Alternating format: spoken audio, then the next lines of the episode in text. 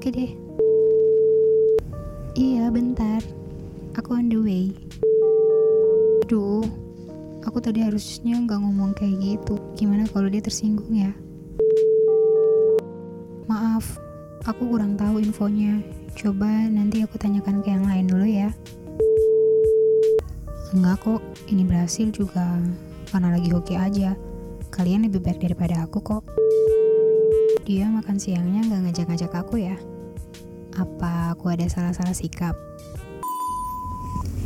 Apakah kalimat tersebut sering terucap dari diri kalian? Walaupun kalian tidak menginginkannya. Apakah kalian sering merasa nggak enakan? Bisa jadi, kalian termasuk people pleaser. People pleaser? Apa sih? Kok bisa? Mari kita bahas lebih dalam tentang people pleaser.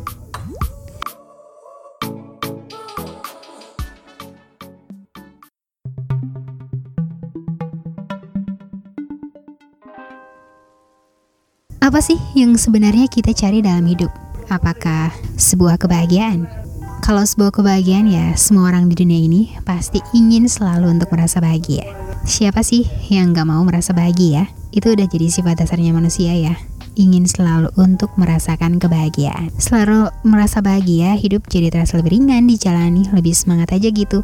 Seolah-olah dunia ini gak ada masalah yang bisa mengalahkan kebahagiaan kita. Kebahagiaan itu seperti sesuatu hal yang sangat penting. Seperti apa bentuk bahagia yang kita miliki dalam pencarian kita, apa kita sudah bisa benar-benar memaknai kebahagiaan yang sebenarnya?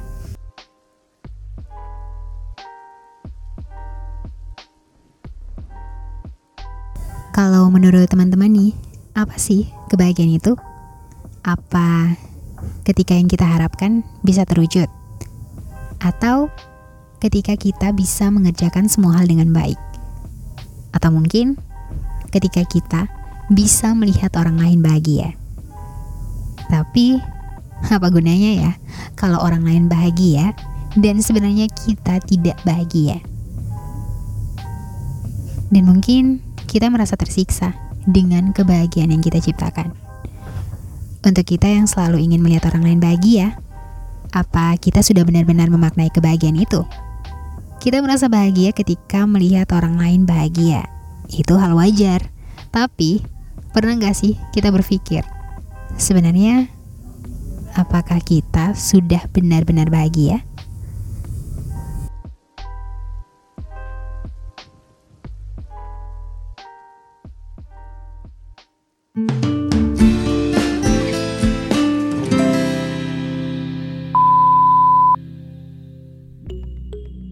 Menurut seorang sosial psikologis, Susan Newman, people pleaser adalah orang yang memiliki kecenderungan untuk menyenangkan orang lain. People pleaser menomorsatukan kepentingan orang lain dibandingkan kepentingan dirinya hanya untuk bisa diterima, disukai, dan diandalkan di segala sesuatu. Bagi seorang people pleaser, membuat bahagia orang lain menjadi jalan hidupnya. Dia tak akan bisa mengatakan sebuah penolakan dari permintaan orang lain. Jika tidak diubah, hal ini bisa membuat seorang people pleaser kehilangan jati dirinya dan hidup dalam ekspektasi orang lain.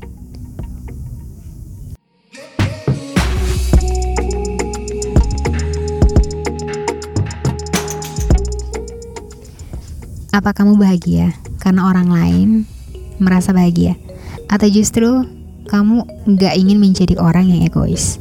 Mungkin kelihatannya positif-positif aja ya, tapi secara psikologis, hal ini adalah kebiasaan yang buruk bagi diri sendiri. Semuanya nggak selalu positif ya, selalu mendahulukan kepentingan orang lain, menjadikan kamu berpikir bahwa orang lain adalah pusat dunia, dan kamu sendiri yang akan kesulitan menentukan arah hidup. Hal ini juga berimbas sama cara kamu mengambil keputusan berdasarkan bagaimana orang lain akan bereaksi dan apa yang diharapkan orang lain terhadap diri kamu. Apakah kamu merasa kalau kamu itu sering gak enakan? Kalau masih bingung membedakan apa kamu tergolong seorang people pleaser atau bukan? Berikut ini nih ada beberapa ciri-ciri yang secara umum ya menunjukkan seorang people pleaser.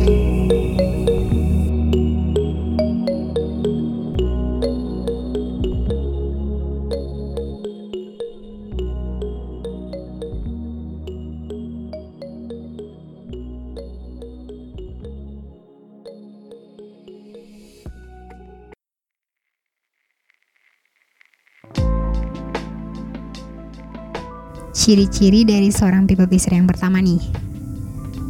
Tidak bisa mengatakan tidak pada orang lain. Mungkin ini salah satu ciri yang umum banget ya dari seorang people pleaser yang paling menonjol ya. Karena seorang people pleaser itu dia nggak bisa nolak permintaan dari orang lain. Karena dia merasa kalau dia nolak orang itu bakalan marah sama dia dan dia mungkin bisa ditolak sama orang itu ya dimarahi itu jadi kayak buat dia itu jadi kepikiran dan merasa bersalah sama orang itu kalau dia nolak ya permintaan orang itu dan itu jadi hal yang buat dia gak bisa nolak sama permintaan orang lain. Yang kedua nih, people pleaser itu selalu overthinking sama pemikiran orang lain. Nah, ini nih, terutama pas orang lain itu terutama marah atau ngindarin dia mungkin atau nggak berbicara sama dia itu buat dia tuh jadi overthinking jadi berpikiran yang enggak enggak ya. Padahal orang itu tuh sebenarnya nggak berpikiran kayak gitu tapi si people pleaser ini berpikir kalau orang ini mungkin marah sama dia nggak mau deket-deket juga sama dia dan dia jadi berpikir kalau aduh ini gimana ya ini pasti dia marah besar nih sama aku karena aku nggak bisa nolong dia. Ini nih pasti dia berpikiran kalau aku nih egois nggak baik sombong atau gimana gitu. Ini nih salah satu ciri-ciri si people pleaser yaitu overthinking. Yang ketiga nih berpura-pura baik-baik saja padahal sedang terluka Seorang people pleaser itu adalah seseorang yang terbiasa mencurangi dirinya ya. Ia adalah sosok yang sangat lihai dalam menyembunyikan perasaannya. Meski nyatanya dia sedang tidak baik-baik saja. Nyatanya juga ia tetap berpura-pura untuk tampil sempurna. Hal ini nih yang membuat people pleaser identik dengan karakter yang ceria dan seolah-olah tidak punya masalah. Keengganannya dia untuk menunjukkan keadaan dia yang sebenarnya itu sebenarnya didasari ya oleh adanya rasa takut akan pandangan orang tentang dirinya. Yang keempat nih, si people pleaser ini selalu atau sering ya merasa bersalah dan sering mengucapkan maaf. Nah ini nih ciri yang identik banget juga ya sama seorang people pleaser adalah sangat mudah mengucapkan maaf. Nah, meski nyatanya mengucapkan maaf itu adalah hal yang wajib dan baik ya tentunya, tapi jika berlebihan ya juga nggak baik. Apalagi seorang people pleaser itu sangat sering meminta maaf untuk sebuah kesalahan yang tidak diperbuatnya. Meski ingin meringankan dan menyenangkan orang lain ya, selalu menanggung salah orang lain bukanlah cara yang tepat. Ciri yang kelima dari seorang people pleaser yaitu sangat merasa tidak nyaman ketika ada orang lain yang marah. Nah, ini salah satu ketakutannya si people pleaser ketika ada seseorang yang marah. Memang sih membuat orang lain marah itu adalah hal yang tidak baik ya, tapi juga salah ketika kamu menganggap ada orang lain marah adalah salah kamu. Ya jika dibiarkan hal ini akan membuat hari-hari kamu menjadi gelisah dan tidak tenang.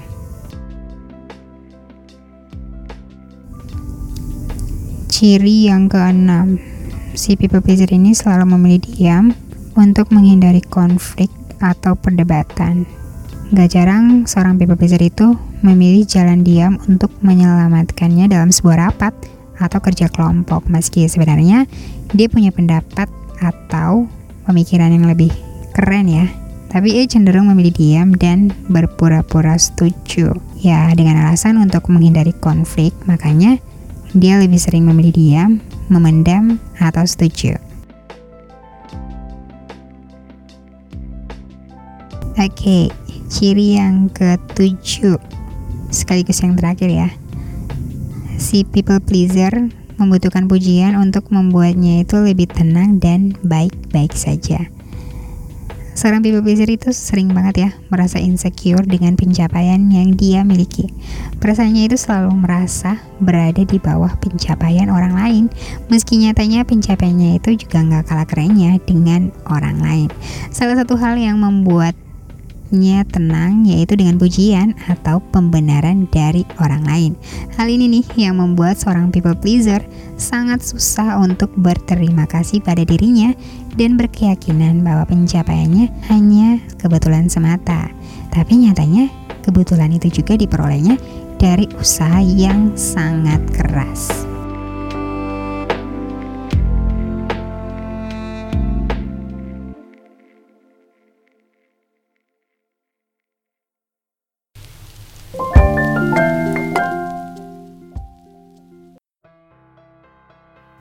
Oke, okay, teman-teman udah tahu kan ciri-ciri dari people pleaser? Kira-kira teman-teman termasuk nggak sih ke dalam salah satu atau mungkin semua kategorinya termasuk ya? Teman-teman termasuk ke dalamnya? Mungkin atau bagaimana ya itu teman-teman yang tahu tapi menjadi seorang people pleaser itu bukanlah hal yang salah juga ya karena kalau emang kita udah kayak gitu ya mau gimana lagi? Jalan keluarnya ya cuma kita mau berubah aja. Kita mau mengubah pola pikir kita cara kita bertindak aja itu sih tindakan yang terbaik yang bisa kita lakukan untuk bisa keluar dari situasi kayak gini. Dan aku punya beberapa solusi yang aku harap bisa bermanfaat juga ya untuk teman-teman.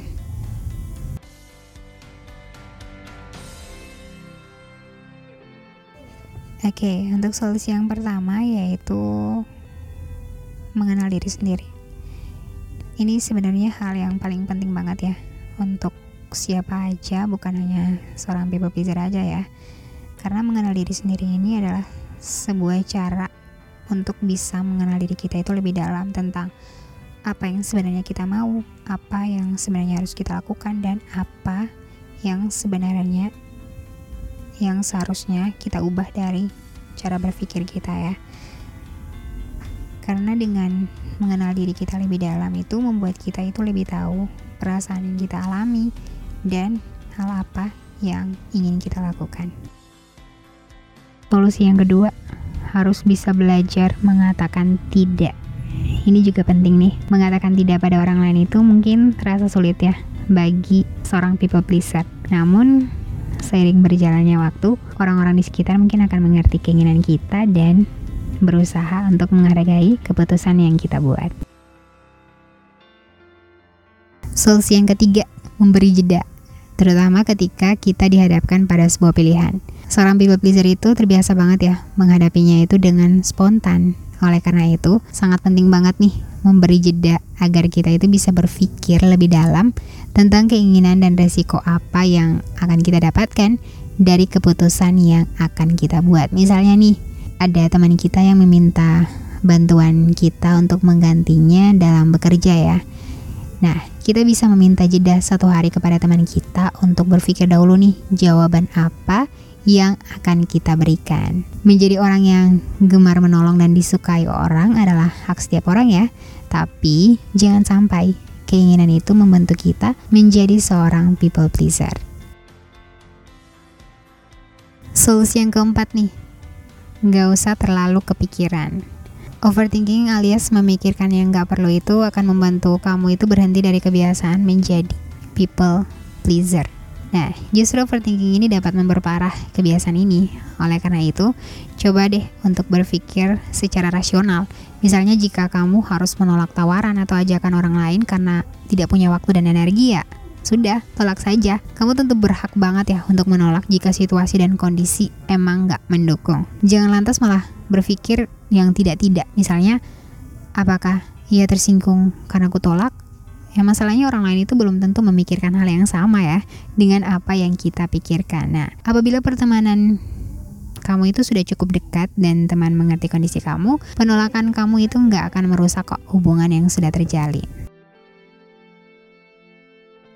Solusi yang kelima nih, kamu harus punya batasan yang jelas. Batasan yang jelas antara diri kamu dengan orang lain. Artinya, kamu boleh berbuat baik, namun kamu harus bisa nih menetapkan batasan yang jelas sampai mana orang lain boleh menggunakan kebaik kebaikan kamu ya.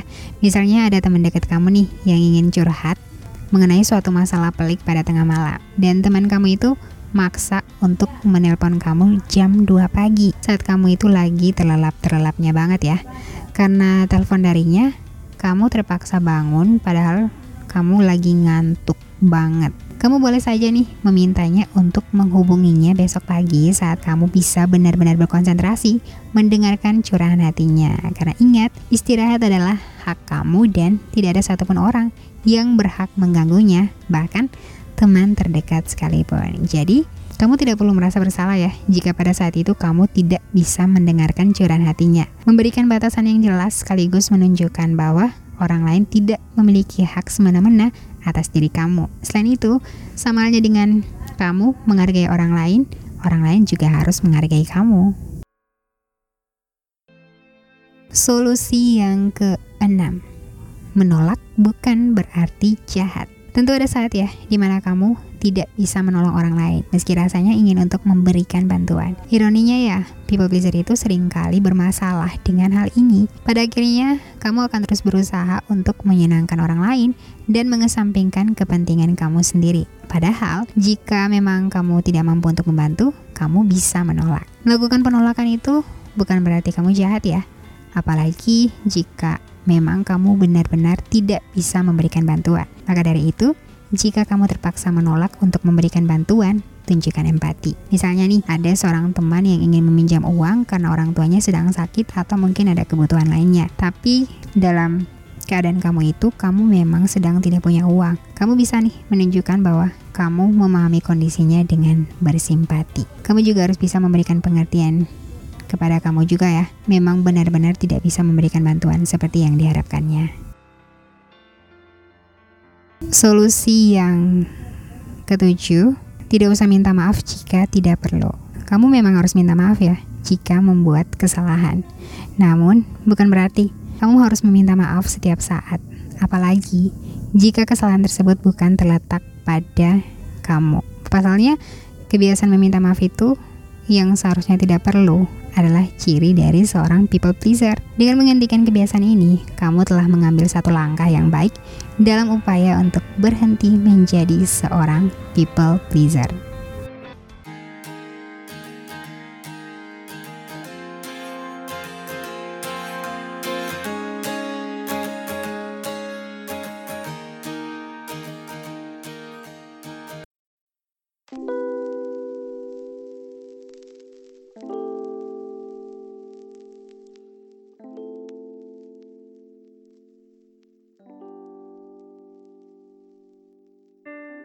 Oke teman-teman, untuk cerita pengalaman dari seorang people pleaser, ceritanya aku angkat dari aku sendiri ya, karena jujur aku itu juga seorang people pleaser. Dan itu awalnya aku berasa ya biasa-biasa aja ya, karena emang aku juga suka kalau bisa nolongin orang lain, suka kalau pas lihat orang lain tersenyum pas aku nolongin itu kayak berasa bahagia yang menurut aku nggak bisa banget ya digambarin sama kata-kata. Tapi semakin ke sini aku ngerasa kalau kok kok gini ya? Kok ketika uh, aku nggak bisa nolong orang lain kenapa orang lain malah marah sama aku? Dan itu buat aku tuh jadi ngerasa kalau wah kok kayak gini ya? Aku nggak bisa banget gambarin sama kata-kata gambarin dengan kata-kata hal yang udah aku alamin. Dan semakin ke sini semakin aku ngerasa kalau kenapa sih tiap kali orang mau minta tolong sama aku itu aku selalu nggak bisa nolak. Padahal sebenarnya waktu itu tuh aku nggak bisa. Tapi dalam hati aku itu selalu bertanya-tanya kenapa sih aku kayak gini? Aku kan nggak bisa tapi kenapa? Aku malah nerima. Aku malah bilang iya. Padahal hati aku tuh bilangnya tidak.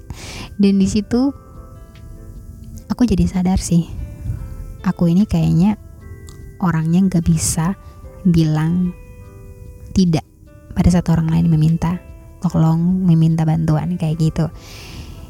Dan sadarnya kayak gitu juga aku jadi ingat. Aku kan punya hak buat bisa mengatakan tidak pada saat orang lain meminta tolong ya. Itu hak aku. Dan itu berujung juga sama cara aku ngambil keputusan. Ketika aku mau mengambil keputusan itu aku jadi lebih berpihak maksudnya lebih memikirkan keadaan orang lain. Dalam hal ini kayak aku nggak bisa berpatokan sama diri aku sendiri karena aku jadi lebih berpikir tentang orang lain dibandingkan diriku sendiri. Dan itu berefek banget ya. Itu kayak aku jadi nggak bahagia ya. Semakin ke sini bukannya aku udah nolongin orang lain ya bukannya itu baik. Bukannya itu itu yang udah aku lakukan. Tapi itu malah bikin semuanya itu jadi berantakan kayak kok kayak gini kayak gini gitu. Jadi timbul banyak pertanyaan banget sama diri aku sendiri. Jadi uh, semakin dibayangin semakin dipikirin semakin diingat lagi. Wah ini nggak adil. Ini nggak adil sih. Dan aku pengen untuk keluar dari situasi sama hal yang udah aku lakuin kayak gini. Aku harus bilang berani bilang tidak pada saat orang lain meminta bantuan. Kalau aku emang nggak bisa. Dan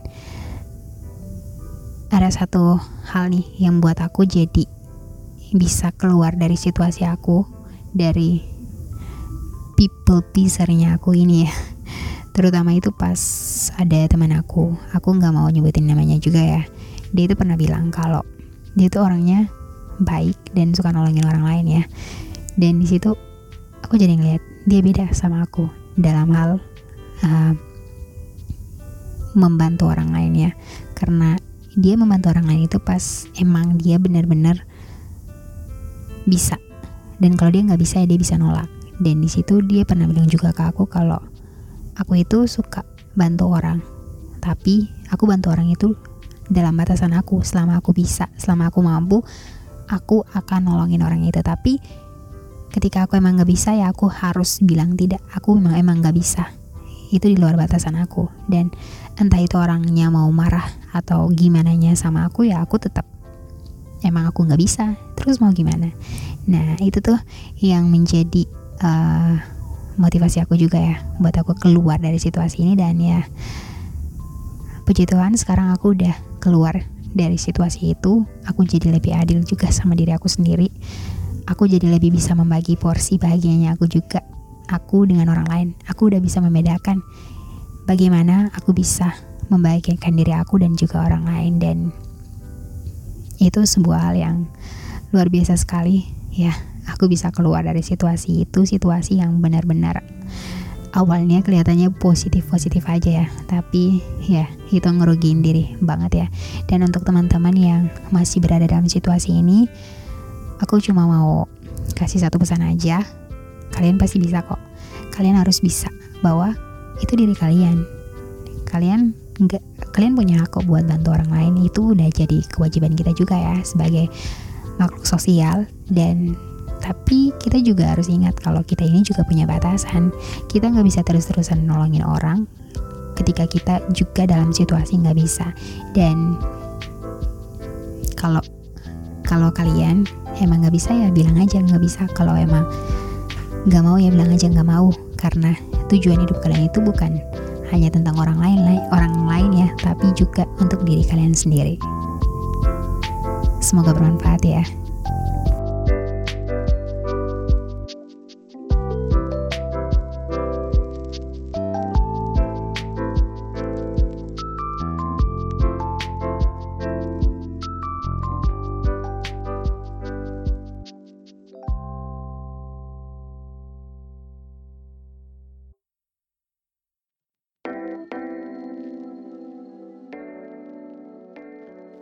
Oke, yang terakhir nih, aku bakalan bacain pertanyaan yang udah aku kasih di Instagram podcast cerita dari rumah ya. Kepada teman-teman tentang mengapa kamu sering merasa nggak enakan. Oke, yang pertama dari Nela underscore Owe.